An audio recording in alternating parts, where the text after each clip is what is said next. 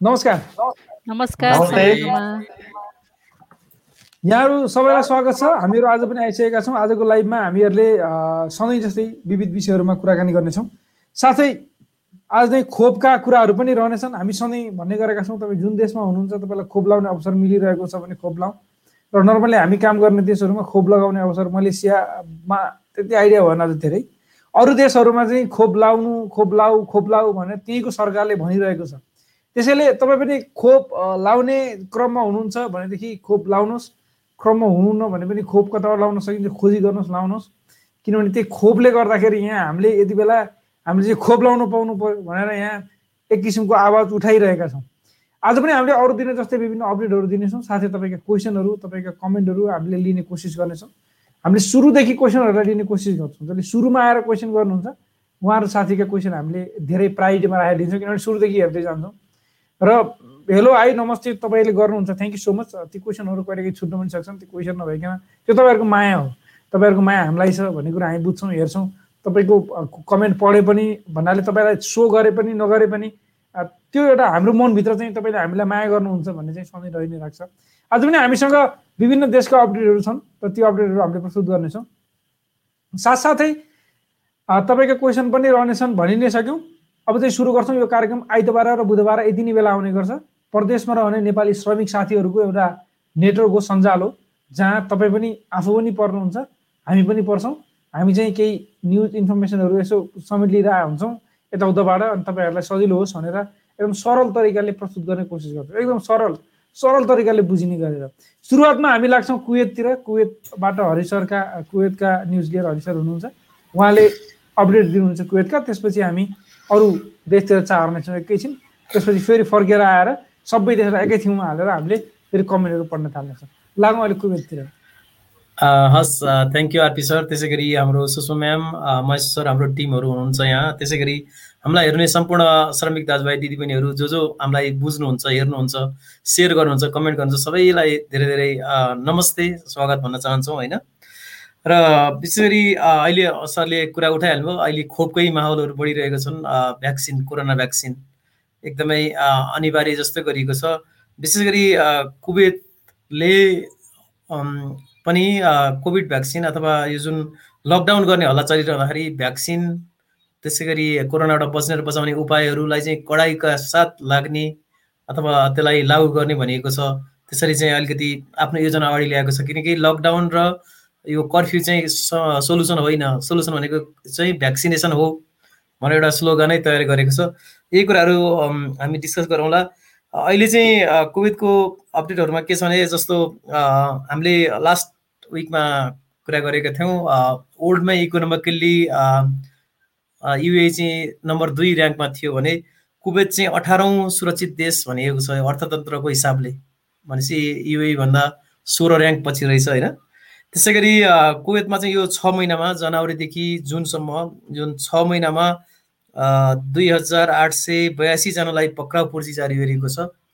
यो चाहिँ विशेष गरी क्रिमिनल केसहरू भयो होइन? यो भिसा भाइलेसन सम्बन्धी सबै कुराहरू पर्छ यसमा। दुई हजार आठ सय बयासीजनालाई पक्राउ पूर्ति जारी गरेकोमा एक हजार आठ सय बयासीजनालाई पक्राउ गरियो भने एक हजार एक बाह्रजना चाहिँ अझै पक्राउमयको क्रममा रहेको भनेर अरब टाइमले त्यहाँ समाचार दिएको छ। यसको मतलब कोही पनि व्यक्तिहरूले स्पोन्सर अथवा कम्पनी छोडेर भाग्नुभयो भने उहाँहरू विरुद्ध मुद्दा दायर हुन्छ। त्यो मुद्दा दायर भएपछि त्यहाँको नियम के छ भने अब कामदार आफूसँग भएको कामदार हराएपछि त मुद्दा के अरे उहाँहरूले स्पोन्सरले चाहिँ मुद्दा दायर गर्नु पऱ्यो नत्र भोलि ल्याउनु पऱ्यो त्यो मान्छे त्यस कारणले यस्ता मुद्दाहरू दायर हुन्छन्। र विशेष गरी अलिकति क्रिमिनल केसहरू अथवा इलिगल केसहरूलाई एकदमै मिनिमाइज गर्नलाई कुवेतले एकदमै दह्रो नियमहरू ल्याएको छ। त्यसरी तपाईँहरू सचेत रहनुहोला। सकेसम्म आफ्नो स्पोन्सर अथवा काम गर्ने ठाउँबाट भागेर नहिँड्नु होला अथवा त्यहाँबाट स्किप नहुनु होला त्यस्तो समस्या आयो भने आफ्नो आफूलाई पठाउने रोजगारदाता रोजगार जुनमा पठाएको छ नि। सकेसम्म त रोजगारदाता हो तर रोजगारदाता चाहिँ समस्या भएपछि त एजेन्सीहरू भयो दूतावासहरू भयो विभिन्न अर्गनाइजेसनहरू हुन्छ नेपाली। उहाँहरूसँग तपाईँले सम्पर्क गरेर सल्भ गर्ने हो त्यो कुराहरू त्यतातिर लाग्नु होला। त्यस्तै जुन भ्याक्सिनकै कुरा चलिरहँदाखेरि कुवेतका लागि भारतका राजदूत सिबी जर्जले चाहिँ आज एउटा अरब टाइममा एउटा ध्यान आकर्षण पत्र जस्तै उहाँले चाहिँ भन्नुभएको छ। यो कोभिसिल्ड भन्ने जुन भारतको खोप छ त्यो र अस्ट्राजेनिका र अक्सफोर्ड चाहिँ एउटै एउटै खोप भएको भनेर डब्लुएचओले करिब करिब जस एउटै इन्ग्रिडियन्ट्स अथवा एउटै कम्पोनेन्ट भएको हुनाले यो एउटै भएको दावी गर्दै उहाँले के भन्नुभएको छ भने करिब दुई लाख डोज जुन कोभिसिल्ड चाहिँ भारतलाई भारतबाट कुवेत लगेको रहेछ। त्यसकारण कोभिसिल्ड भ्याक्सिन लगाउनेहरूलाई कुवेत आउनलाई दिनको लागि उहाँहरूले चाहिँ रिक्वेस्ट गर्नुभएको छ। यसको मतलब त्यो पनि हामीलाई एउटा गुड पोइन्ट हो। यदि कोभिसिल्ड कसैले पहिला नेपालमा आएको थियो कसैले लाउनु भएको छ भने त सजिलो भयो। तैपनि कोभिसिल्ड अब इजिली पाउन सकिने अथवा भारतले चाहिँ अहिले प्रड्युस गरिरहेको भनेको छ होइन? त्यसकारण अब कुनै देशमा कुनै खोप कुनै देशमा कुनै खोप हुँदाखेरि कोभिसिल्डलाई पनि मान्यतामा राख्नलाई चाहिँ दबाब दिएको अथवा त्यहाँको रिक्वेस्ट गरेको कुराहरू छ। र हाम्रो नेपाली दूतावासले पनि आशा गरौँ हाम्रा श्रमिकहरू जो जो घरमा आउनुभएको छ जो जान चाहनुहुन्छ उहाँहरूले सम्बन्धित देशको जस्तो युएबाट युएको दूतावास कुवेतबाट कुवेतको दूतावास साउदीबाट साउदीको दूतावासले चाहिँ सम्बन्धित निकायलाई रिक्वेस्ट गर्यो भने एटलिस्ट डब्लुएचओले एप्रुभ गरेका खोपहरू लागेकालाई जान दियो भने अलिकति राम्रो होला। हामी त्यतातिर लागौँ। त्यस्तै कुवेतमा अब यो ईद चाहिँ आगामी जुलाई बिस तारिक भनेको छ होइन? ईद अल अल आधा त्यस कारण ईदको कारणले हवाई चाप एकदमै बढ्न सक्ने भनेर चाहिँ अनि त्यहाँको एयरपोर्टको जुन म्यानेजमेन्ट सिस्टम छ त्यसलाई चाहिँ त्यहाँको सरकारले सचेत गराएको छ भने सबैलाई यो कोरोनाबाट बच्नको लागि सबै यात्रीहरूलाई सम्पूर्ण मापदण्डहरू पुरा गर्नलाई चाहिँ हाई अलर्ट गरिएको भनेर दिएको छ। किनभने कोभिडको सङ्क्रमणको दरहरू अथवा सङ्क्रमितका सङ्ख्याहरू चाहिँ बढिरहेको कुराहरू आएका छन्। त्यस्तै गरी सबै ठाउँमा अलिकति एउटा मैले अहिले भर्खर एउटा न्युज आएको थियो त्यहाँ। कस्तो भने कुवेतमा यो स्पेसल निड्स भन्छन् हुन त नेपालमा चाहिँ हामी अपाङ्ग भन्छौँ। जो शारीरिक रूपले अलिकति उहाँलाई स्पेसल निड भनिन्छ अङ्ग्रेजीमा होइन? कुवेतमा चाहिँ यो स्पेसल निड्सहरू जो शारीरिक रूपले पुरै सक्षम नभए पनि केही केही कुराहरू कसैलाई केही समस्या कसैलाई केही समस्या भएकाहरूको एउटा ग्रुपले त्यहाँ एउटा क्याफे सञ्चालन ल्याएको छ। कुवेतमै पहिलोपल्ट यो कन्सेप्ट हो।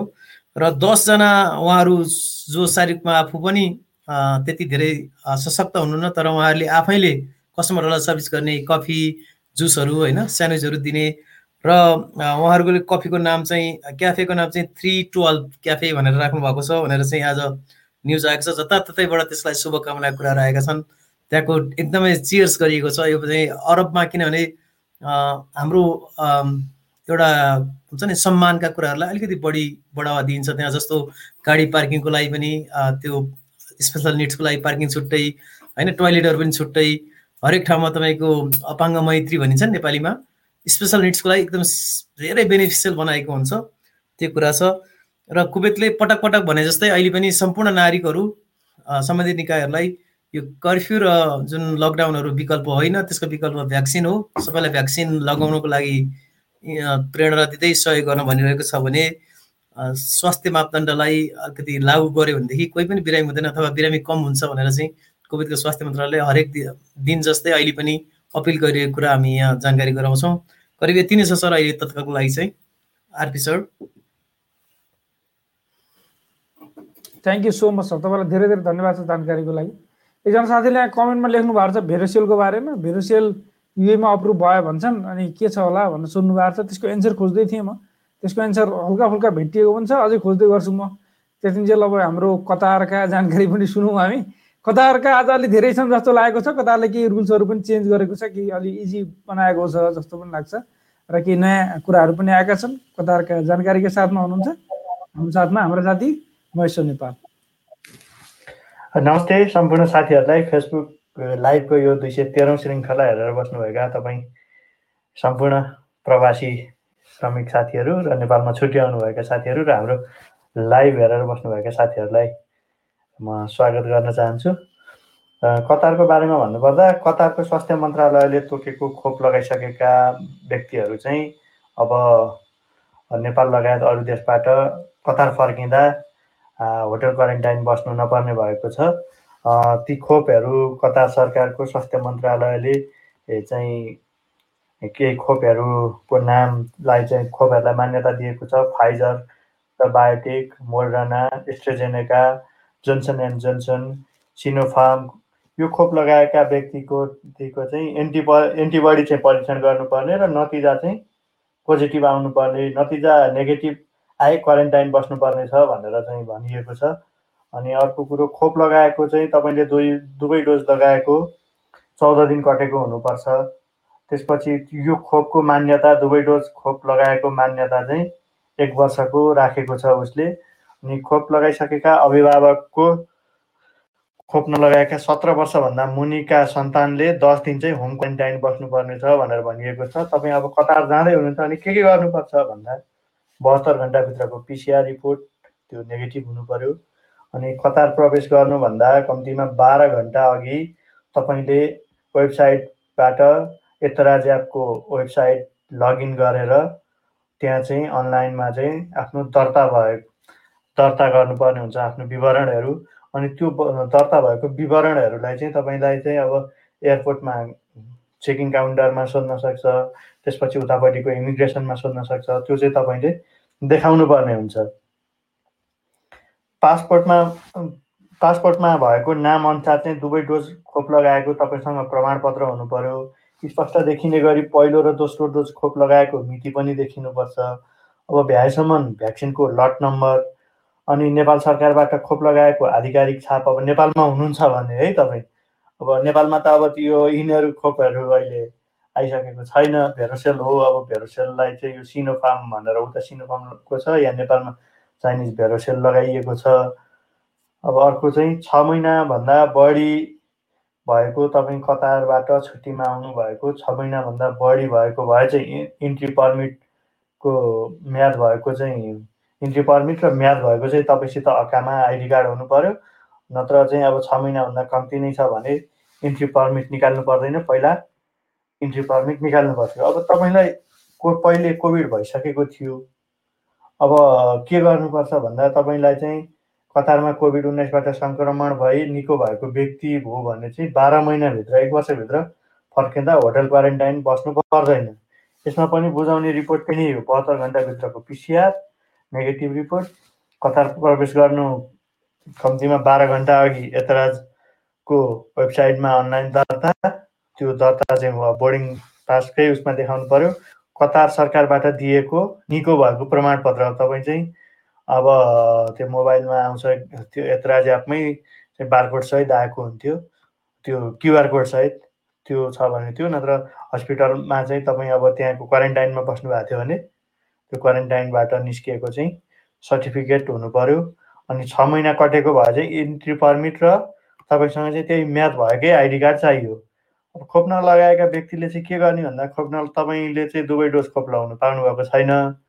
तपाईँ कतार जाँदै हुनुहुन्छ भने चाहिँ तपाईँले चाहिँ दस दिनदेखि चौध दिनसम्म होटल क्वारेन्टाइन बस्नुपर्छ। बुझाउनु पर्ने कागजपत्र त्यही नै भयो अघि नै भनिएका जति नै। अब त्यसमा चाहिँ मेकानाइज भयो चौध दिन। अरू होटेलमा भए चाहिँ दस दिन बस्नुपर्ने भनेर भनिएको छ। अब तपाईँ कतार ट्रान्जिट भएर अन्य देश जाने यात्रीले पनि बहत्तर घन्टाभित्रको पिसिआर परीक्षणको रिपोर्ट देखाउनु पर्नेछ कतारबाट अन्य देश जाँदा पिसिआर परीक्षण आवश्यक भयो। हमार विमानस्थलमा तिन सय रियल तिर्नुपर्छ। त्यहाँ तपाईँले चाहिँ त्यहाँ एयरपोर्टभित्रै चाहिँ पिसिआर गर्न पाउनुहुन्छ। रिपोर्ट त्यहीँ दिन्छ। अनि मान्यता प्राप्त खोप लगाइसकेको व्यक्तिले त्यहाँ हुकुमी भनेर कतारको एउटा सरकारी वेबसाइट छ अथवा मेत्रास टु एपबाट मार्फत चाहिँ पर्यटक पारिवारिक तथा व्यावसायिक भिसा पनि अब तपाईँले पाउन सक्नुहुनेछ। ती भिसाहरू पनि कतार सरकारले जुलाई बाह्र तारिकबाट खुला गरेको छ गर्दैछ। अब आज भइहाल्यो भोलिबाट चाहिँ त्यो खुला हुन्छ। अब तपाईँको अब नेपाल आउनु भएको थियो अब वर्किङ भिसा भएको तपाईँहरूसित चाहिँ काम गर्ने भिसा थियो भने चाहिँ अब कतार छोडेर गएको छ महिनाभित्र फर्किनुभयो भने आइडीको अब म्याद भयो अब इन्ट्री पर्मिट नचाहिने नत्र चाहिने भइहाल्यो। अब त्यही नै भयो। अनि अर्को चाहिँ कतारमा पर्यटक र पारिवारिक अब फ्यामिली भिजा पनि अब भोलिबाट खुल्दैछ। अनि दुई हजार बाइसको विश्वकप फुटबल अब कतारमा हुँदैछ। आगामी वर्ष नोभेम्बर एक्काइसको दिन चाहिँ अल खोर स्थित अल भयात रङ्गशालामा चाहिँ अब विश्वकपको उद्घाटन हुनेछ। अहिले अब तपाईँहरूलाई महत्त्वपूर्ण जानकारी चाहिँ के गरौँ भने तपाईँहरू सार्वजनिक स्थलमा हिँड्दै हुनुहुन्छ कतै निस्किँदै हुनुहुन्छ भने कृपया अनिवार्य रूपमा मास्क लगाउनु होला सामाजिक दूरी कायम गर्नुहोला मोबाइलमा यत्राज एप चाहिँ हालेर त्यसलाई एक्टिभ गरेर हिँड्नु होला अन्यथा तपाईँलाई चाहिँ त्यहाँ जुनसुकै बेला पनि तपाईँलाई चाहिँ निगरानी गरिराखेको हुन्छ तपाईँ पक्राउ गर्न सक्नुहुन्छ तपाईँलाई पक्राउ गर्नुभयो भने सङ्क्रामक रोग फैलाउनको लागि चाहिँ मद्दत गरेको आरोपमा तपाईँलाई पक्राउ गरेर तपाईँलाई मुद्दा हालेर तपाईँलाई भारी मात्रामा चाहिँ जेल सजाय र जरिवाना हुनसक्छ। त्यो भएको हुनाले तपाईँहरू अलिकति सुरक्षित भएर हिँड्नु होला अर्को कुरो अब नेपालबाट नेपाल एयरलाइन्स र कतारबाट कतार एयरवेजले हप्तामा सातै दिन उडान भर्ने भएको छ। यसबाट हाम्रा लाखौँ प्रवासी दाजुभाइहरूलाई चाहिँ राहत मिल्नेछ किनभने यसअघि टिकट एकदमै महँगो थियो। अब घर आउनलाई नै चार पाँच महिनाको स्यालेरी चाहिँ टिकट काट्नैमा जान्थ्यो भने अब त्यसबाट तपाईँहरूले केही राहत पाउनुहुनेछ। त्यसै गरी हिमालय एयरलाइन्सले हप्तामा तिनवटा र नेपाल एयरलाइन्स र कतार एयरवेजले चाहिँ सातै दिन उडान भर्ने भइसकेपछि अब भने तपाईँहरूलाई छुट्टीमा आउनलाई केही चान्स मिल्नेछ। अब दुवै डोज खोप लगाउनु होला। छुट्टीमा आउने प्लान बनाउँदै हुनुहुन्छ भने कृपया दुवै डोज खोप लगाएर मात्र आउनु होला। अन्यथा फेरि होटल क्वारेन्टाइन बस्नु पऱ्यो भने महँगो पर्न जान सक्छ। हस् धन्यवाद आरपी सर आज मेरो अपडेट यति नै छ। हस् thank you thank you so much तपाईँलाई धेरै धेरै धन्यवाद छ। आज चाहिँ त्यो भन्दै गर्दा पनि नेपालको सबभन्दा गुड थिङ्स चाहिँ के छ भने नेपालमा तपाईँले कुन चाहिँ भ्याक्सिन लगाएर आउनुभयो भन्ने कुरो खासै वास्ता छैन। तपाईँले दुई डोज खोप लाउनु भयो अथवा खोप मात्र पुरा गर्नुभयो भन्ने मात्रै कुरो छ। त्यसैले तपाईँ बडो खुसी हुनुहोस् कि नेपालमा त्यस्तो यही फलानु मेरो कन्ट्रीमा पाइँदैन। नेपाल जाँदाखेरि फेरि के गर्ने होला? भन्ने तपाईँले सोच्नु पर्दैन। अहिलेसम्म टोटल्ली उन्नाइसवटा खोपहरू अप्रुभ भएका छन् पुरै दुनियाँमा। एटलिस्ट एउटा देशमा मात्रै किन नहोस् त्यस्तै एउटा भेरोसियल पनि एउटा हो जुन एउटा देशमा मात्रै अप्रुभ भएको छ। त्यस्तो नेपालमा पनि लगाइ लगाइरहेको छ तर भ्याक्सिन ट्र्याकर भन्ने एउटा छ त्यसले चाहिँ उसको अनुसार नेपालमा अप्रुभ भएको भनेर देखाउँदैन किनभने त्यसो अप्रुभ भनेर सायद न्युज निकालेको छैन होला। त्यसै गरी भ्याक्सिनहरू टोटल्ली अहिलेसम्म तिन सय तिरासीवटा त ट्रायल फेजमै रहेछन्। अनि भ्याक्सिन फर्स्ट फेजमा पैँतिसवटा सेकेन्ड फेजमा पचासवटा थर्ड फेजमा उन्चालिसवटा भ्याक्सिनहरू छन्। त्यसै गरी भ्याक्सिन विभिन्न ठाउँहरूमा विभिन्न धेरै धेरै यो तछाड र मछाड गर्दै भ्याक्सिनहरू आउने क्रम होइन कसले चाहिँ पहिला पालो पाउने भन्ने यस्तै छ। जस्तै एस्ट्रोजेनेका सबभन्दा धेरै कन्ट्रीहरूमा अप्रुभ भएको भ्याक्सिन छ जुन एक सय सत्रवटा कन्ट्रीमा अहिले अप्रुभ भइसकेको छ। त्यसैले तपाईँहरूले जति पनि साथीहरूले सोध्नुहुन्छ क्वेसनहरू कि यो भ्याक्सिन होला नहोला भन्ने कुरा बिस्तारै बिस्तारै जुन पपुलर भ्याक्सिनहरू छन् राम्रो भ्याक्सिनहरू धेरै कन्ट्रीहरूमा अप्रुभ भएका भ्याक्सिनहरू हामीले काम गर्ने कन्ट्रीहरूमा नि एक न दिन पक्का हुन्छन्। तर जुन धेरै कन्ट्रीहरूमा नभएका छैनन् तिनीहरू नहुनु पनि सक्छन्। त्यसै नेपालमा अहिले चालिस लाख भ्याक्सिन आउँदैछ आठ लाख आइसक्यो अस्ति भेरोसेलको जुन चाइनाको सिनोफार्म भन्ने कम्पनीले बनाएको भ्याक्सिन हो सिनोफार्म युएमा अप्रुभ छ तर सिनोफार्म अर्कै नाम भयो जस्तो त्यो बेजिङवाला अप्रुभ छ यो चाहिँ वुहानवाला हो। वुहानवाला वुहानमा बनेको सिनोफार्मको भेरोसियलिसको नाम हो। त्यसै गरी अर्को एउटा आउँछ जोन्सन एन्ड जोन्सन जुन युएसमा बनेको यो कोभ्याक्स भन्ने एउटा सिस्टम हुन्छ। अलिक धनी देशहरूले गरिब देशहरूलाई बाँध्ने जुन युनिसेफकोले यसलाई डिस्ट्रिब्युट गर्छ। एक सय पैँतिसवटा देशहरूमा दस करोडभन्दा धेरै भ्याक्सिनहरू अहिलेसम्म बाँडिसकिएको छ र नेपालमा पनि यो पन्ध्र लाख आउँदैछ सायद भोलि आइपुग्छ एउटा कार्यक्रम गरेर हस्तान्तरण गर्ने भन्ने कुरा छ। र हामीले दिउँसो एउटा भिडियो पनि राखेका थियौँ पेजमै।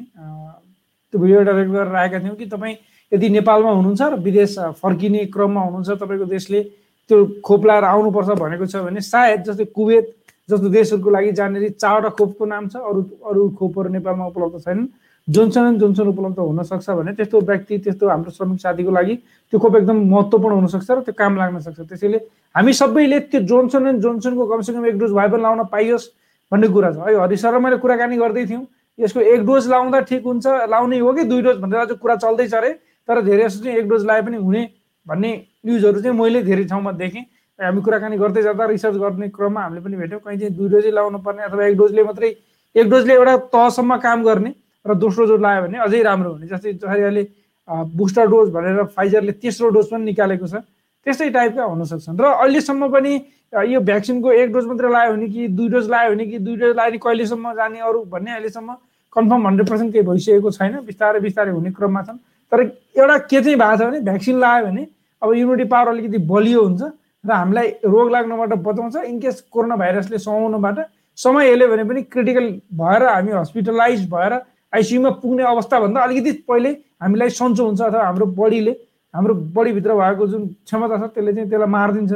भन्ने मात्रै एउटा त्यो चाहिँ कन्फर्म भएको कुरा हो। कहिलेसम्म कसरी र कुन कुनले कसरी गर्छ भन्ने चाहिँ बिस्तारै बिस्तारै हुँदै आउला र फाइनल्ली आजभन्दा पाँच सात वर्ष दस वर्षपछि कुनै दुई चारवटा हुन्छन् होला जुन सस्ता पनि होला इजी पनि होलान् होइन? अब इनकेस अफ आइहाल्यो भने लाउने भनेर जसरी अहिले सानो बच्चाहरूलाई सात आठवटा कतिवटा खोप लाउनुपर्छ भोलिका दिनमा हुनसक्छ बच्चैमा लाउने भन्ने पनि सिस्टम निस्किन सक्ला। यो गर्दै जाँदा हुँदै जाँदा हुँदै जाँदाखेरि यो चिजहरू पनि हुन्छ।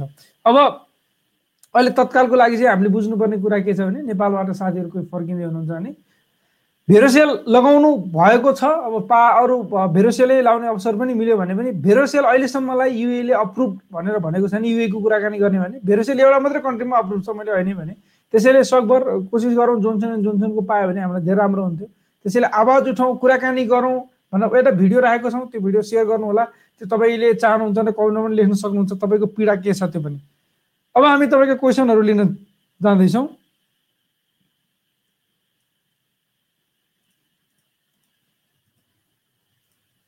आज हामीले तिस मिनटमा कार्यक्रम सक्ने भन्ने हाम्रो प्लान थियो। बिस मिनट भइ नै सक्यो।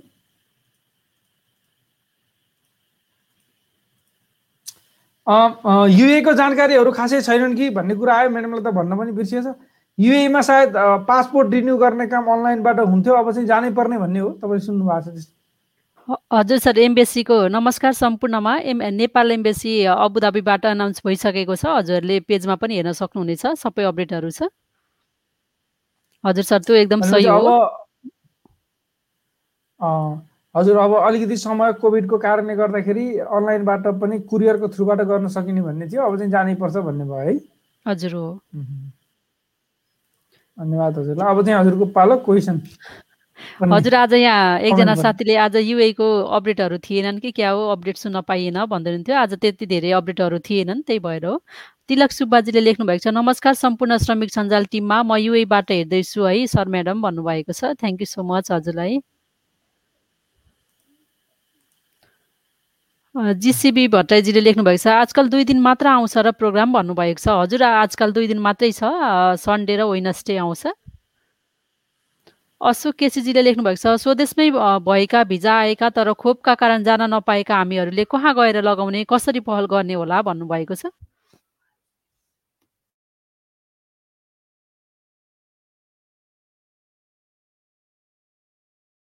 आरपी सर डिस्कनेक्ट हुनुभयो जस्तो छ। आरपी सरको नेट अलिकति गयो जस्तो लाग्यो।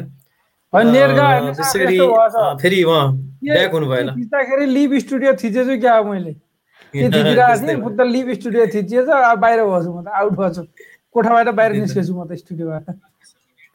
हजुर आरपी। सर हरि सर यसको विषयमा हजुरहरूलाई केही जानकारी भएछ सेयर गर्नु होला।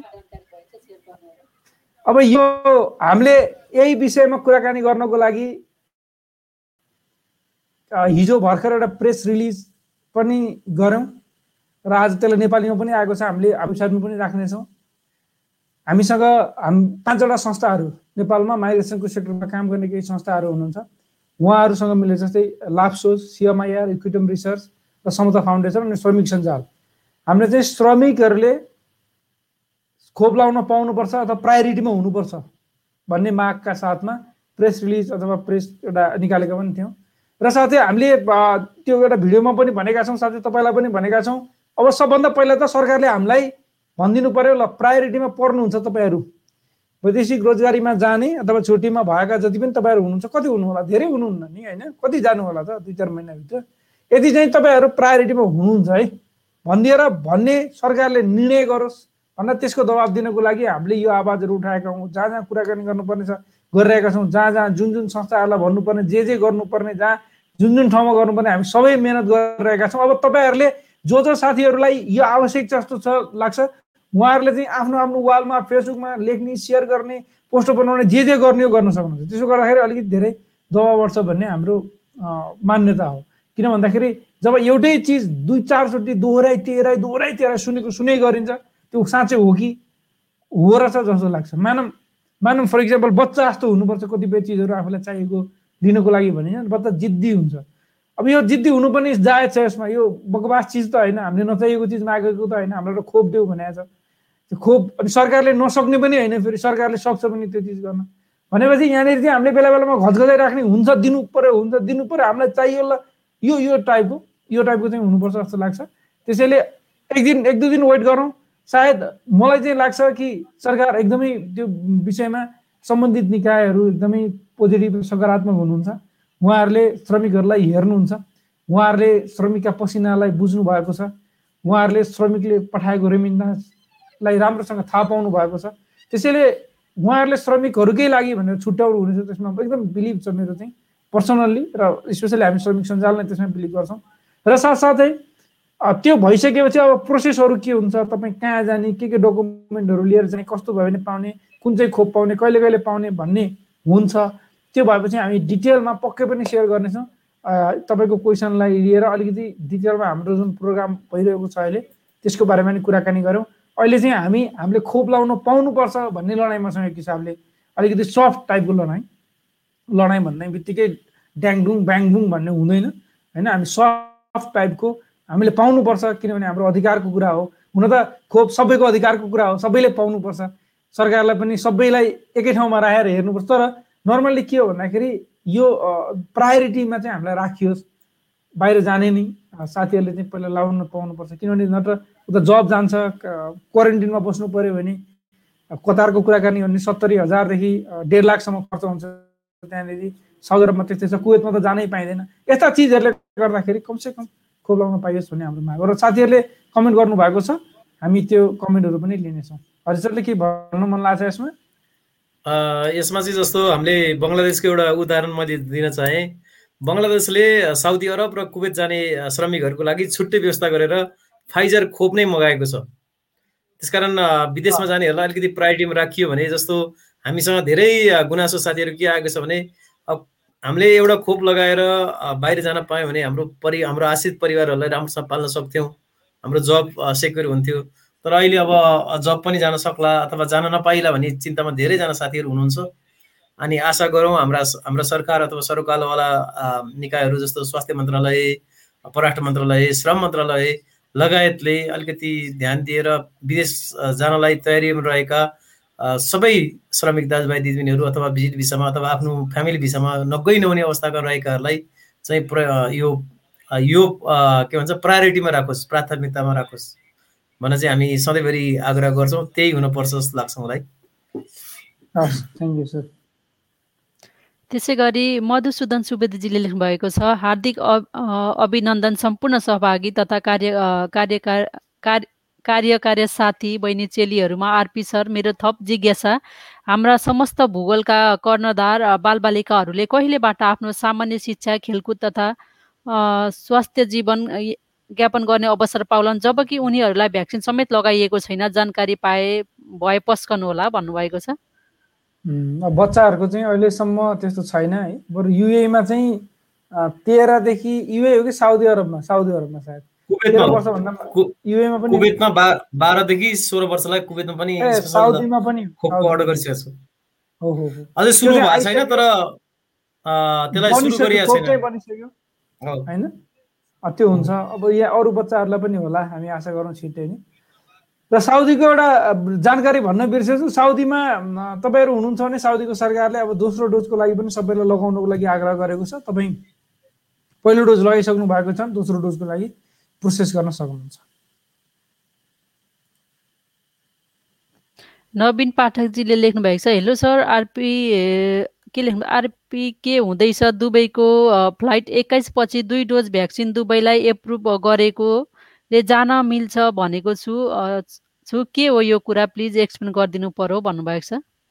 अहिलेसम्मलाई ठ्याक्कै अब एक्काइस तारिक पछि खुलाउला अनि खुलाउँछ र हामी जान पाइन्छ भन्ने चाहिँ होइन। केही दिन पहिला साउथ एउटा इन्डियाको फ्लाइट आउन दिने भन्ने न्युजमा चाहिँ दुईवटा डोज भ्याक्सिन लगाएको खोप पुरा भएको आउन पाउने भन्ने एउटा थियो। तर पछि फेरि सबै अहिले बन्द नै छ एक्काइस तारिकसम्मको लागि। अलिकति अनुमान गर्न सकिन्छ कि एक्काइस तारिकपछि भ्याक्सिन लगाएकाहरूलाई चाहिँ अलाउड होला भन्ने अनुमान गर्न सकिन्छ तर कन्फर्म भएर त्यो न्युज नआउने बेलासम्म भन्न सकिँदैन। बल्ल एघार तारिक छ अझै दस दिन बाँकी छ। अब यो दस दिनसम्ममा होला बिचमी पनि अब ठिकै छ भनेर बिचमा निर्णय लिन पनि हुने तर होइन भने एक्काइस तारिकको लागि चाहिँ बन्द छ। तर खोप जहाँसम्म लाग्छ लगाएर बस्नु बस्दाखेरि राम्रो हुन्छ लगाउने अवसर छ भने अहिले। सङ्गीता सुवेदीजीले लेख्नु भएको छ नेपालबाट कतार हुँदै दुबई आउन मिल्छ कि मिल्दैन। कस्तो छ जानकारी पाएमा आभारी हुने थिएँ। मिलेमा कसरी मिल्छ र खर्च कति जति लाग्छ होला भन्नुभएको छ। मास्टर सर के भन्नुहुन्छ यसमा तपाईँ? ट्रान्जिट राखेर जाँदाखेरि म्युट छ है तपाईँको? म्युट। ट्रान्जिटबाट अहिले दुबई जान मिल्दैन किनभने यो एक्काइस पछिको फ्लाइटको कुरो आइराखेको छ। अब तपाईँले दुबई डोज खोप लगाइसक्नुभयो भने त अब फ्लाइटहरू पनि अब नेपाल सरकारले पनि फ्लाइटहरू चाहिँ नियमित उडान गर्ने भनेर भनिराखेको छ। न अहिले अब तपाईँले यहाँ अरू नै दुवै डोजको खोप लगाए पनि तपाईँलाई चाहिँ तपाईँ जान पाउनुहुन्न किनभने एक्काइस तारिकसम्म त बन्दै छ त्यही नै हो। तपाईँको लागि नै हो क्वेसन पनि? कतारदेखि नेपाल जान? अब केही समय धैर्य गर्नुहोस् अब भने किनभने अब फ्लाइट रेगुलर हुने भइसकेपछि टिकटहरूको प्राइस अब केही घट्छ अनि त्यसपछि ओहोरदोहोर गर्न सजिलो हुन्छ। खोप चाहिँ कृपया पहिला खोप लगाउनुहोस्। खोप लगाउनु भयो भने ए तपाईँको होटल क्वारेन्टाइन बस्ने खर्च जोगिन्छ। त्यही नै हो। टिकटको मूल्य अब चाँडै नै कम्ती हुन्छ। हस् धन्यवाद। धनबहादुर छेत्रीजीले लेख्नुभएको छ सर नमस्कार मैले पहिला अक्सपो अक्सफोर्ड भ्याक्सिन लगाएको छु र पछि फाइजर लगाउन मिल्छ कि मिल्दैन भन्नुभएको छ? यो चाहिँ डक्टरलाई नै सोध्नुपर्छ होला। यो चाहिँ हामी मलाई जहाँसम्म लाग्छ मिल्दैन त्यस्तो। त्यही पनि तपाईँ एक्चुअली सोध्नु होला डक्टरसँग सल्लाह लिनु होला। है? यो एउटा खोप लगाएकोले अर्को खोप लगाउन नमिल्ने जस्तै नेपालमा कोभिसिल्ड लाउनु भएको थियो हाम्रो केही लगभग तेह्र लाख सडसठी हजारजनाले दोस्रो खोपै लाउनु पाउनु भएन। त्यो आउँदै आएन इन्डियाबाट। दोस्रो लाउन मिल्ने भयो त भेरिसेल लगाइदिनु हुन्थ्यो होला। सायद यो कारणले गर्दा फेरि यो फाइजर र अक्सफोर्डको तपाईँको एस्ट्रोजेनेका भयो होइन? यो चाहिँ फाइजर भयो। भनेपछि यो सायद मिल्दैन होला। एस्ट्रोजेनेका र कोभिसिल्ड भयो भए सायद मिल्थ्यो पनि कि? त्यो पनि एकचोटि डक्टरसँग सुन्नु होला त्यस्तो लाग्छ भने। जहाँसम्म लाग्छ मलाई मिल्दैन। जो हो त्यही लाउनु होला। जुन हो त्यही। फेरि रियाक्सन पनि हुनसक्छ। बडीलाई? करण विवस्तीले लेख्नु भएको छ नमस्कार सबैजनालाई। मेरो टिकट छब्बिस जुलाईको छ। क्वारेन्टाइनमा बस्नुपर्छ कि नै? मैले खोप लगाएको छैन। तिन महिनासम्म ड्युटी भएन। सर कम्पनीले टिकट काटेन। म आफूले नै टिकट काटेर आउँदैछु सर। मसँग पैसा छैन। के गर्नुपर्छ? भन्नुभएको छ। दुःख लाग्यो तपाईँसँग पैसा छैन भन्ने सुन्दाखेरि। अब खोप लगाउनु भएको छैन भने बेस्ट तपाईँ नेपालमै फर्किनको लागि सायद होला। नेपालमा क्वारेन्टाइनमा बस्नुपर्ने हुन्छ होटल क्वारेन्टाइनमा सात दिन। तपाईँले सक्नुहुन्छ र मिल्छ भने तपाईँ अहिलेसम्म क्यान्सल गरिसक्नु भएको छैन भने एक डोज खोप चाहिँ लाउनु होला न एक डोज खोप लाउन भ्याइन्छ होला होइन? छब्बिस तारिक भनेपछि छ अझै केही दिन। ट्राई गर्नु होला अब कसै सकिँदैन भने त होटल क्वारेन्टाइनमा बस्नुपर्ने हुन्छ। टिकट लिने बेलामा नै होटलको कुरा गर्नु भएर अलिक सस्तो होटलहरू पनि पाइन्छ। तपाईँलाई राम्रोसँग आउनु होला all the best safe journey हजुर। नवीन पाठकजीले लेख्नु भएको छ प्लिज कमेन्ट नै हेरिदिनु पर्यो यस्तो त भएन युए केही छैन अपडेट खोइ भन्नुभएको छ। सरी आजको लागि चाहिँ युएको त्यति धेरै अपडेट नभएकोले गर्दा सेयर गरिएन। अब वेनसडे अपडेटहरू लिएर आउनेछौँ फेरि। आज गल्फ न्युजमा हेरेको भ्याक्सिनका कतिवटा टाइप छन् कति अप्रुभ भयो के भयो कसो भयो भन्नुबाट यत्रो लामो न्युज हजुर अपडेटहरू अपडेटहरू पनि धेरै हुन्छन् तर अब हामी सबैलाई युजफुल हुने खालका अपडेटहरू हामीले कलेक्ट गर्नुपर्ने हुन्छ। त्यति धेरै अपडेटहरू नभएकोले गर्दा आज सेयर गरिएन। किरण पौडेलजीले लेख्नु भएको छ सर नमस्कार मेरो भिजा अबुधाबीको हो। अहिले म छुट्टीमा नेपाल आएको छु। मैले भ्याक्सिन लाउन पाएको छैन अनि भेरोसिल लाउँदा लाउँदा आउन मिल्छ कि मिल्दैन? के छ सर जानकारी भन्नुभएको छ? यो बडो कन्फ्युजनवाला क्वेसन तपाईँलाई मात्रै नभएर धेरै युए फर्किने साथीहरूलाई त्यही छ। र अहिले भेरोसेल ट्रायल फेजमा छ। सिनोफार्म त सिनोफार्म कम्पनीकै हो र यसलाई पनि अप्रुभल देला भन्ने हामी सुन्छौँ जान्दछौँ। तर आजको दिनसम्म अहिलेसम्म चाहिँ कहीँनिर पनि मैले यो अप्रुभ भइसकेको भन्ने कहीँ पनि भेटेको छैन। न त्यसको वेबसाइटमा न भ्याक्सिन ट्र्याकरमा कहीँ पनि भेटिएन। त्यो कारणले गर्दाखेरि चाहिँ भोलि कुनै दिन दिन सक्ला। तर अहिले अहिलेलाई नै चाहिँ छैन र फेरि भोलि नै जान पनि पाइँदैन। त्यही भएर हामी आशा गरौँ भेरोसेललाई पनि अप्रुभल दिनेछ। सिनो फार्मकै हो। त्यो जस्ट दुइटा फ्याक्ट्रीहरू पनि दुइटा अलग अलग ठाउँमा बनेको भएको कारणले गर्दाखेरि मात्रै यो अप्ठ्यारो पर्न गयो। अरू हेरौँ है। राजन अधिकारीजीले लेख्नु भएको छ सर दुबईमा सिनोफार्म खोप दुई डोज मैले लगाइसकेँ छ महिना पहिले फेरि अर्को पनि डोज लगाउनु पर्छ कि पर्दैन सर? भन्नुभएको छ। हजुर यो अब तेस्रो डोज चाहिँ छ महिना हजुरले लास्ट डोज सेकेन्ड डोज लगाउनु भएको छ महिनापछि तेस्रो डोज चाहिँ बुस्टर डोजका रूपमा लगाउन सकिन्छ भनिएको छ। केही साथीहरूले अस्ति हामीले तेस्रो डोज पनि लगायौँ भन्नुभएको छ। हजुरले एभाइलेबल भएसम्म लगाउन सक्नुहुनेछ। भन्नाले यो कस्तो हो म्याडम तपाईँलाई आइडिया छ? जसको हो भ्याक्सिन त्यसैको लाउनु पर्ने कि अरू कुनैको लाए पनि हुन्छ दुई डोज लगाइसकेपछि त्यो चाहिँ एक्ज्याक्ट मलाई थाहा भएन सर तर त्यसकै होला जस्तो लाग्छ। त्यो चाहिँ थाहा भएन सर डिटेल त्यसको चाहिँ अलिकति जस्तै स्टडी गर्नुपर्ने हुन्छ। सिनोफार्म लगाइसकेकोले चाहिँ अब थर्डमा पनि सिनोफार्म नै लाउनु पर्ने भन्ने लाग्छ होइन? हजुर फेरि अस्ति एकजना अस्ति कुवेतबाट अस्ति मैले उहाँको नाम बिर्सेँ। उहाँले भन्नुभएको थियो उहाँले सुरुमा चाहिँ दुई डोज सिनोफार्मको लगाइएको थियो तर तेस्रो डोज चाहिँ फाइजरको लगाइयो भन्नुभएको थियो कि। उहाँ चाहिँ त्यो कुवेतबाट त्यो भएर मैले सुने अनुसार चाहिँ न्युजमा पनि के आइरहेको थियो नि न्युज भन्दा कतै कहाँ पढाएको थिएँ मैले। फाइजरले चाहिँ बुस्टर डोज लिएर आएको छ भन्ने आएको थियो कि भन्न खोजेको बुस्टर डोज चाहिँ फाइजरको चाहिँ हो भन्ने जस्तै थियो। अँ, ठिकै छ एकचोटि बुझ्नु होला। अहिलेसम्मलाई हुन्छ। लगाइहाल्नु पर्ने कम्पलसरी भन्ने चाहिँ छैन। तर सकभर लाउँदा राम्रो बुस्टर डोज पनि भन्ने कुराहरू हुन्। त्यसैले त्यो चाहिँ बुझ्दै गर्नु होला। जो जो दुई डोज भ्याक्सिन लगाइसक्नु भयो उहाँहरूलाई फेरि नयाँ नयाँ चिजहरू आइ नै रहेका हुन्छन्। तर भ्यालिड सोर्सहरूबाट बुझ्दै गर्दाखेरि चाहिँ राम्रो हुन्छ। डब्लुएचओ सबभन्दा भ्यालिड सोर्स हजुर हामीले। मिनिस्ट्री अफ हेल्थको साइडमा गएर पनि त्यहाँको नम्बरमा पनि कन्ट्याक्ट गरेर यस्तो जिज्ञासाहरूको बारेमा हामीले सोध्न सक्छौँ। एकदम बकाइदा एकदम मजाको र सजिलो गजबको आइडिया चाहिँ त्यो हो। है एकचोटि नम्बर पनि भन्छु म युएमा हुनुहुन्छ भने eight zero zero one one one one वानमा फोन गर्न सक्नुहुन्छ। Eight zero zero one one one one one अथवा eight zero zero three four टूमा पनि तपाईँले फोन गरेर सोध्न सक्नुहुन्छ। यस्तो यस्तो कन्डिसन छ अब के गर्ने होला भनेर उहाँहरूले आइडिया दिनुहुनेछ। स्वास्थ्य मन्त्रालय हुन्छ। मेडिकल टर्मका। कुराहरू हामीले पनि कति कुराहरू होइन एक्ज्याक्ट नभइकन गेस गरेर भन्नुभन्दा बरु हजुरले राम्ररी बुझ्नु नै राम्रो हुनेछ। हो यो शारीरिक स्वास्थ्यसँग जोडिएका कुराहरू हुन्छ नि। हजुर। हावाकतालाई अनुमानित लिएर टेक्निक लाएर भन्नु पनि मिलेन। होइन यसमा कमन सेन्सको कुरा पनि हुँदैन। अब मेडिकल त कमन सेन्स होइन नि त कति चिजहरू त कमन सेन्स पनि हुन्छ। इन्टरभ्यू दिँदाखेरि के अरे tell me about yourself भन्नुहोस् भन्दाखेरि त्यसको टेक्निकल एन्सर हुँदैन। होइन यसलाई यसरी पनि भन्न सकिन्छ यसरी पनि भन्न सकिन्छ भनेर त्यो हामीले भन्न सकिन्छ। त्यस्ता चिजहरू न इक्जाम्पलको कुरा गरेँ कतिपय चिजहरू कमन सेन्स पनि युज गर्न सकिन्छ लजिक पनि युज गर्न सकिन्छ। यसमा त त्यस्तो गर्ने कुरा भएन।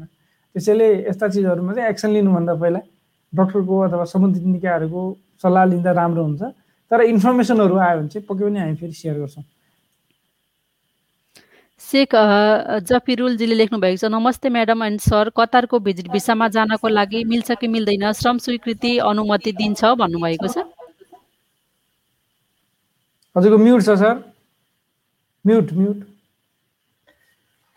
तपाईँ भिजिट भिसामा जान लाग्नु भएको मान्छेलाई श्रम स्वीकृति किन चाहियो?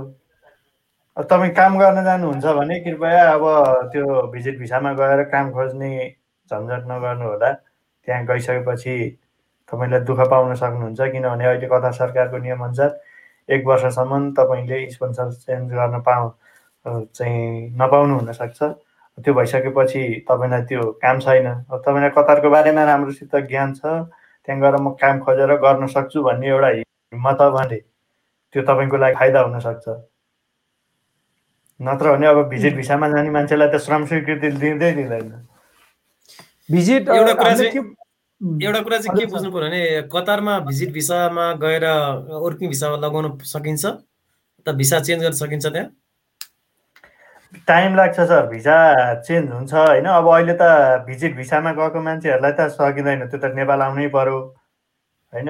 त्यो त्यसको त टाइम हुन्छ नब्बे दिन हुन्छ। कारणले गर्दाखेरि हो। हजुर? क्युबिसीको कारणले गर्दा क्युबिसीको प्रोसेस गर- नगरिकन त्यहाँ भिजा हुँदैन हो कतारमा? भिजिट भिसाको लागि त अब होटेलहरूले भिजा निकाल्छ होला। काम गर्न जानलाई क्यु नै हो। होइन मानव म भिजिटमा गएँ। कतारमा म भिजिटमा कतारमा आएँ होइन? हजुर। कतारमा आएर काम फेला ताने। बडो राम्रो। अब जब गर्न मन लाग्यो मलाई भने त्यसलाई डाइरेक्ट ट्रान्सफर गर्नको लागि फेरि क्युबिसीकै सहारा आउनु पर्यो। यता त कामै भएन नि फेरि त्यहाँ त बेकार त्यो तपाईँ कोही साथी हुनुहुन्छ युएमा जस्तो गएर जब खोजेर युएमा चाहिँ त्यो अवस्था छ कि फेरि युएमा तपाईँ भिजिट भिसामा हुनुहुन्छ भनेदेखि तपाईँले जब पाउनु भएन इम्प्लोइमेन्ट भिसामा सजिलै ट्रान्सफर गर्न मिल्छ एकदम सजिलो। केही अप्ठ्यारै छैन सात दिनमा काम बन्छ त्यहाँ त। अब यो त्यो भएर पनि धेरै मान्छेहरू अप्ठ्यारो हुने दुःख पाउने कारणले पनि छ कि? सजिलो हुन्छ भने सजिलो आफ्नो अप्ठ्याराहरू अरू छन् फेरि त्यो भिजाको टेक्निकल प्रोसेस पो सजिलो हो त। जब पाउनै गाह्रो छ।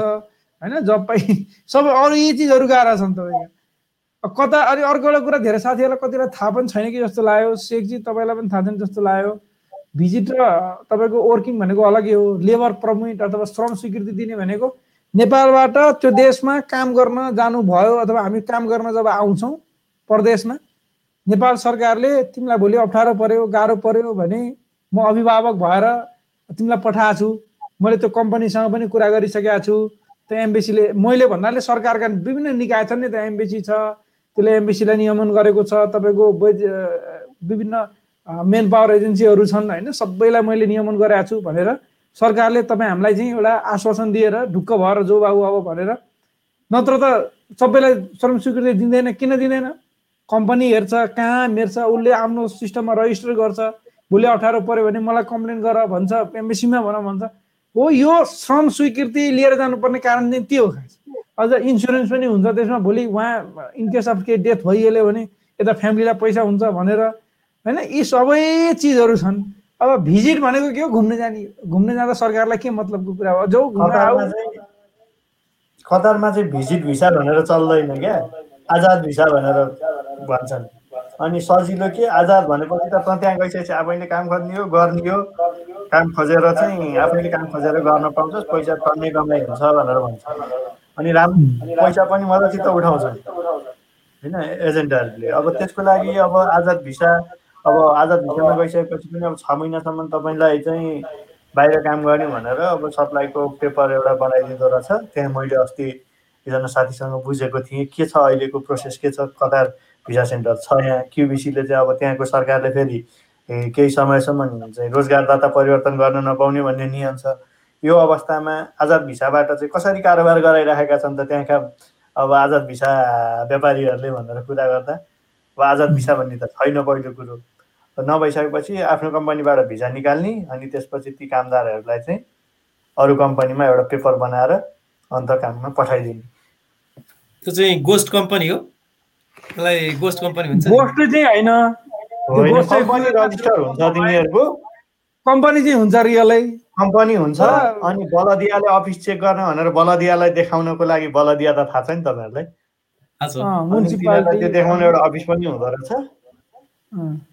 केही समयको लागि अब छ मिलेर लिने होइन। होइन जस्तो कुवेतमा के के छ भने करिब एक सय पच्चिसवटा कम्पनीहरूले जसले करिब तिस हजार इम्प्लोइहरू लगेका थिए। ती सबै इम्प्लोइहरूको भिसा चेन्ज नहुने भएको छ। किनभने त्यो गोस्ट कम्पनी अथवा ऊ ऊहरूसँग कम्पनी नै छैन तर उनीहरूले अब विभिन्न पेपरहरू मिलाएर होइन लाइसेन्स लिएर अनि आफ्नो विभिन्न देशबाट मा मान्छेहरू ल्याउने त्यसपछि विभिन्न कम्पनीलाई दिने गयो। अब तपाईँको अहिले त्यो सबै पक्रा परेका छन् एक सय पच्चिसवटा जति कम्पनी त्यसमा तिस हजार। हजुर हजुर। तर यहाँ चाहिँ कम्पनी हुन्छ। युए र युए र कतारमा चाहिँ कम्पनी चाहिँ हुन्छ सर।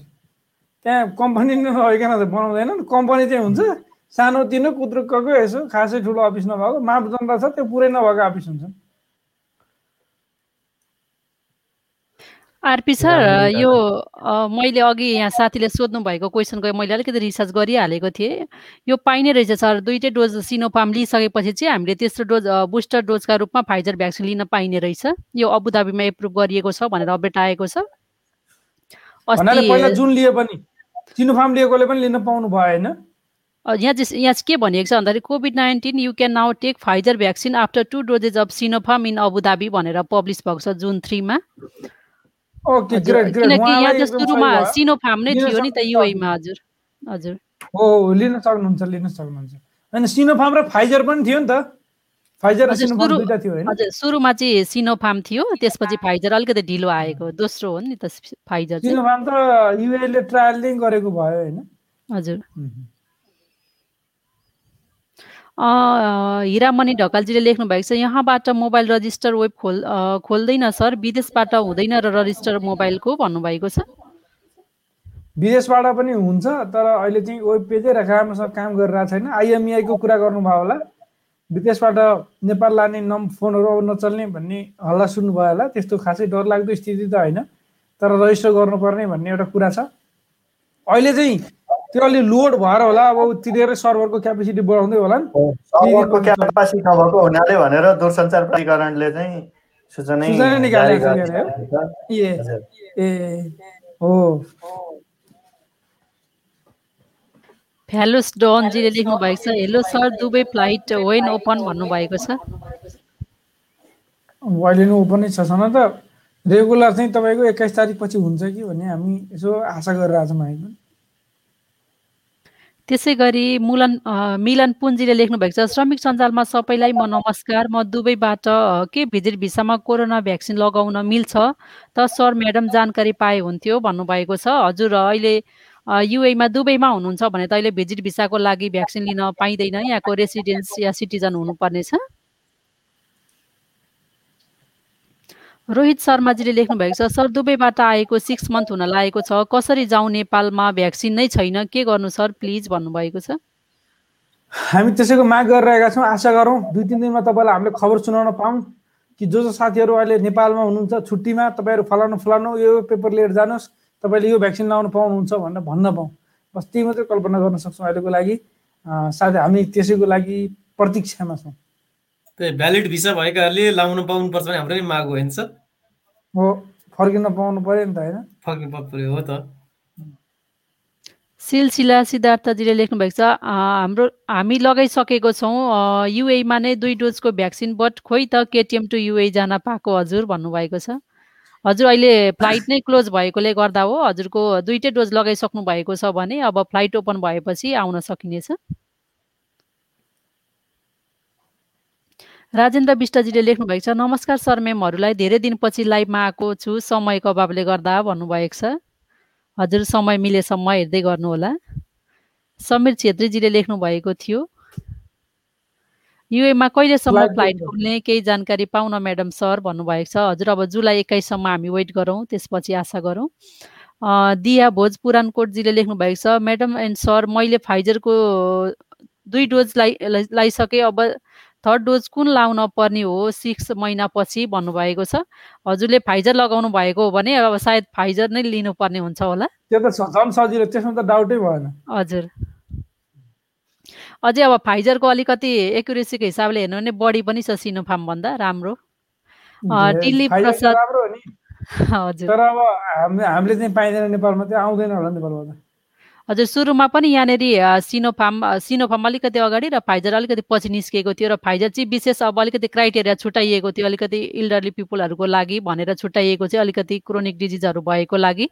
त्यही भएर अब सुरुको फेजमा चाहिँ फाइ हामीले सिनोफार्म नै लगायौँ धेरै जसोले। दिलीप प्रसाद सापकोटाजीले लेख्नु भएको छ तपाईँहरू सबैलाई नमस्कार भ्याक्सिन त आइ आइ पनि सक्यो र अर्को पनि आउँदैछ। अब मलाई समस्या के भयो भने मैले साढे तिन महिना अगाडि युएमा लगाएको फर्स्ट डोज भ्याक्सिन सिनोफार्म रहेछ। अब सरकारले यदि मलाई जोन्सन लगाइदिए लगाउँ कि नलगाउँ अनि मैले भेरोसेल लगाउन पाएको खण्डमा एक डोज मात्र लगाउँ कि दुवै डोज लगाउँ केही सम समझमा आएन यो सम्बन्धी हुन त सायद कोभिड सम्बन्धीको डाक्टरसँगै सल्लाह लिनु पर्ला कि? यहाँ युएमा लगाएको नभनिकन दुवै डोज लिँदा लिँदा पनि तिन डोज भएर स्वास्थ्यमा असर पो गर्छ कि भन्नुभएको छ। हजुर त्यसो त हामीले गर्न मिल्दैन होइन? अब हाम्रो स्वास्थ्यको हिसाबले हेर्दा हामीले हजुर सबै बुझेर हामीले लिनुपर्ने हुन्छ। तर एउटा सल्लाह चाहिँ दिन्छु तपाईँले आइडिया लगाउन सक्नुहुन्छ। अब जुन हाम्रो तिन महिना कटिसक्यो जुन फर्स्ट डोज लाउनु भएको छ नेपालमा तेह्र लाख हाम्रो जुन नेपालमा पैँसठी वर्षभन्दा माथिका व्यक्तिहरू हुनुहुन्थ्यो उहाँहरूले। र यो अवस्थामा अब के हुन्छ भन्ने कुरो छ कि? अब उहाँहरूले कोभिसिल्ड लाउनु भएको थियो अब अर्को भेरोसियलको दुई डोज उहाँहरूले लगाउने कि? होइन भेरोसियलको कोभिसिल्ड लगाएको अब एक डोज मात्रै भेरोसियलको लाउनुहुन्छ उहाँहरूले भन्ने कुरो लगाइदिन्छ सरकारले यहाँ होइन? भन्नेले पनि अलिअलि आइडिया चाहिँ आउँछ तपाईँलाई। तर एक्चुअली सरकार सरकारसँग तपाईँ के भने स्वास्थ्य कर्मीसँग कसैसँग सल्लाह लिनु होला। र कतिपयले त अब यसलाई सबैको यो युजुअल नभएको भएर कतिलाई आइडिया नहुनु पनि सक्छ। तिन महिना एउटा भ्याक्सिन जस्तै सिनोफार्मले तपाईँ के सर्च गर्न खोज्नुहुन्छ भने सक्नुहुन्छ भने एउटा सिनोफार्म भ्याक्सिन कतिदेखि कति समयसम्म लाउँदा इफेक्टिभ हुन्छ र फर्स्ट डोज लागेको कतिसम्म लागेन भने त्यसको इफेक्टिभनेस सकिन्छ भन्ने तपाईँले सर्च गर्नुभयो भने मानौँ फर इक्जाम्पल तिन महिना साढे तिन महिनामा इफेक्टिभनेसै सकियो भने त अब दुई डोज लाउँदा पनि भयो। होइन इफेक्टिभ हुन्छ भने चाहिँ सिनोफार्म र भेरोसेल एउटै क्याटेगोरीको हो एउटै एउटै मुलाको ड्याङ भन्छ नि त्यस्तो हो ड्याङको मुला भनेर एउटै फ्याक्ट्रीको प्रडक्ट हो।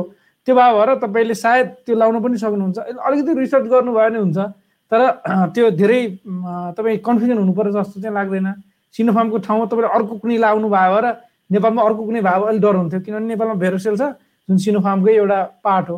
त्यो भएर पनि हुनसक्छ त्यो पनि सल्लाह चाहिँ गर्नु होला। रिसर्च चाहिँ गर्नु सरले है।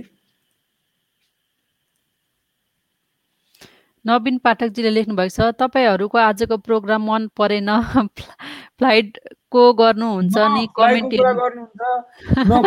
कमेन्ट हेर्नुहुन्छ के हो यस्तो भावना भन्नुभएको छ। नवीन पाठकजीको हजुरको त धेरैचोटि क्वेसनहरू आएर कमेन्टहरू लिए जस्तो लागिरहेको छ आज। उहाँको यस्तो भयो यस्तो भयो। उहाँको चाहिँ उहाँले त कमेन्ट नपढ्दै होला होइन? मैले चाहिँ फुटु फुटु यो क्वेसन हेरेर नाम हेरेर फुत्तो फुत्तो यता सार्दो रहेछु। उहाँ तपाईँ उहाँले त्यो कमेन्ट नहेर्दै लेख्नु भयो होला। हामीले उहाँको कमेन्ट पढिसक्यौँ। दिया भोज पुरानकोटजीले लेख्नुभएको छ गुड इभिनिङ सर म्याडमहरू म युएबाट नेपालमा सिनोपन भ्याक्सिन कहिलेसम्म एभाइलेबल हुने हो? कुनै इन्फर्मेसन हजुरहरूसित भन्नुभएको छ? सायद सिनोफार्म त हुँदैन होला अब। भेरोसेल नै हो। सिनोफार्म कम्पनीबाटै आएको हो। सिनोफार्म चालिस लाख आउने भन्ने थियो। त्यसको ठाउँमा भेरोसेल आयो। होइन हरि सर के आइडिया छ हजुरलाई? त्यही हो नि। जस कम्पनी एउटै भएको भन्ने कुरा जस्तो भनौँ न फरक प्रोडक्सन भए पनि कम्पनी एउटै भए पनि तर सिनोफार्म सिनोफार्म बेजिङवाला सिनोफार्म भन्दा रहेछन् त्यसलाई। जुन चाहिँ उता युमा पनि अप्रुभ भयो। यो चाहिँ वुहानमा बनाएर छ जहाँनिर कोरोना भाइरस पैदा भयो। त्यहाँ बनाएर भेरोसेल। चाहिँ। अनि त्यो कारणले गर्दाखेरि चाहिँ त्यो अर्को ठाउँमा अर्को सिटीमा नै बनाएको छ क्या। फेरि अर्को सिटीको नाम अर्कै छ क्यारे। अनि त्यो भएर त्यो अब यही हो भेरोसेल नै हो नेपालमा नेपालको लागि। हजुर हजुर नमस्कार। म दुबईबाट छुट्टीमा आएको तिन महिना भयो। नर्मल फ्लाइट कहिलेदेखि चल्ने हो कन्फर्म हुन सकिन जानकारी पाए राम्रो हुन्थ्यो भन्नुभएको छ। हामी त्यही वेटमा छौँ हामी आशा गरौँ अक्टोबर सरी अक्टोबर भन्न आएछ माफ गर्नु होला त्यस्तो नहोस्। जुलाई एकतिस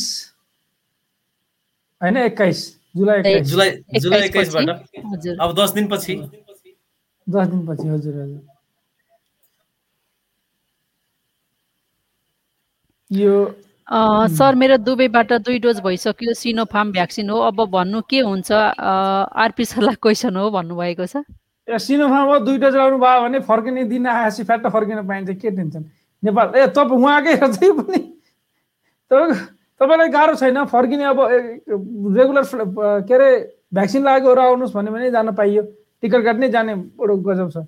महसुस सर के सेयर गर्नु हजुरले यो? यो साउदी सरकारले साउदीको आन्तरिक पख्नुहोस् है म यसलाई अलिकति विस्तृत रूपमा भनिदिन्छु। यो लिङ्क मैले के सेयर गरेको भन्दा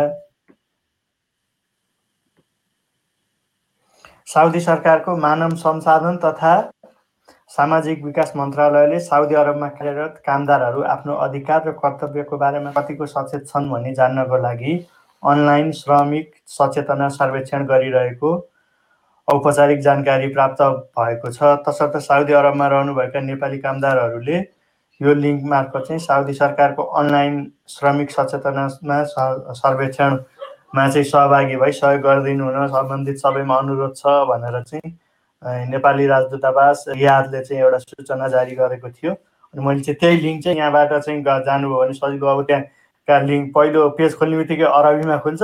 अनि कहाँनिर गएर चाहिँ इङ्ग्लिस भेट्टाउने कहाँनिर गएर चाहिँ अरू भाषाको भेट्टाउने भनेर चाहिँ अप्ठ्यारो होला भनेर मैले सजिलोको लागि यो लिङ्क सेयर गरिदिएको हो।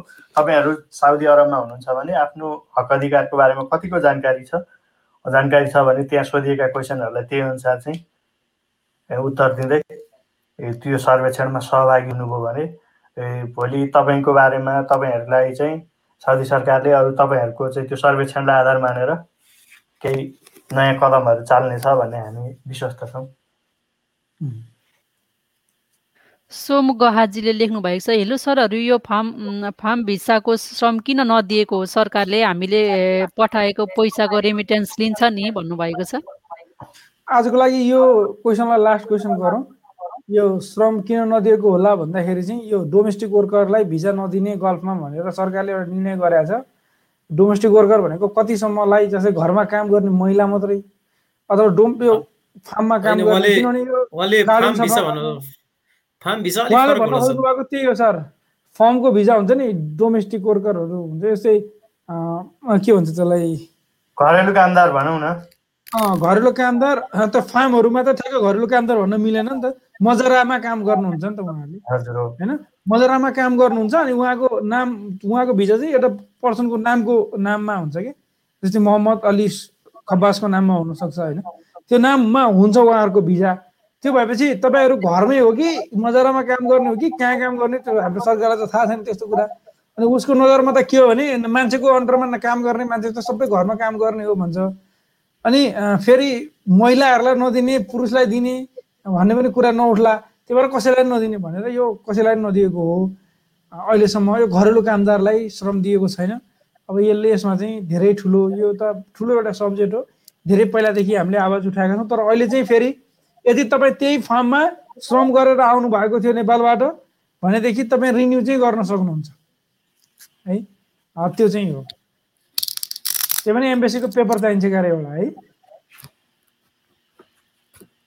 एमएससीको पेपर चाहियो अनि त्यसपछि श्रम फेरि रिश्रम गरेर जानु पर्यो। हुन्छ आजलाई यति नै गरौँ होला। हजुर। हुन्छ। हामी पचपन्न मिनट पनि भएछौँ।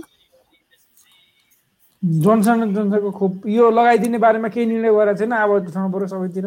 तपाईँको कोही स्वास्थ्य मन्त्रालयमा काका चाचा अङ्कल मामा दाई भाइ कोही हुनुहुन्छ भने यसो भन्नु होला न प्लिज।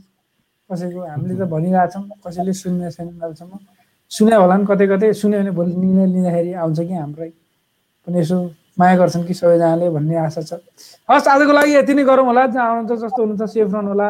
आफ्नो ख्याल राख्नु होला। नमस्कार।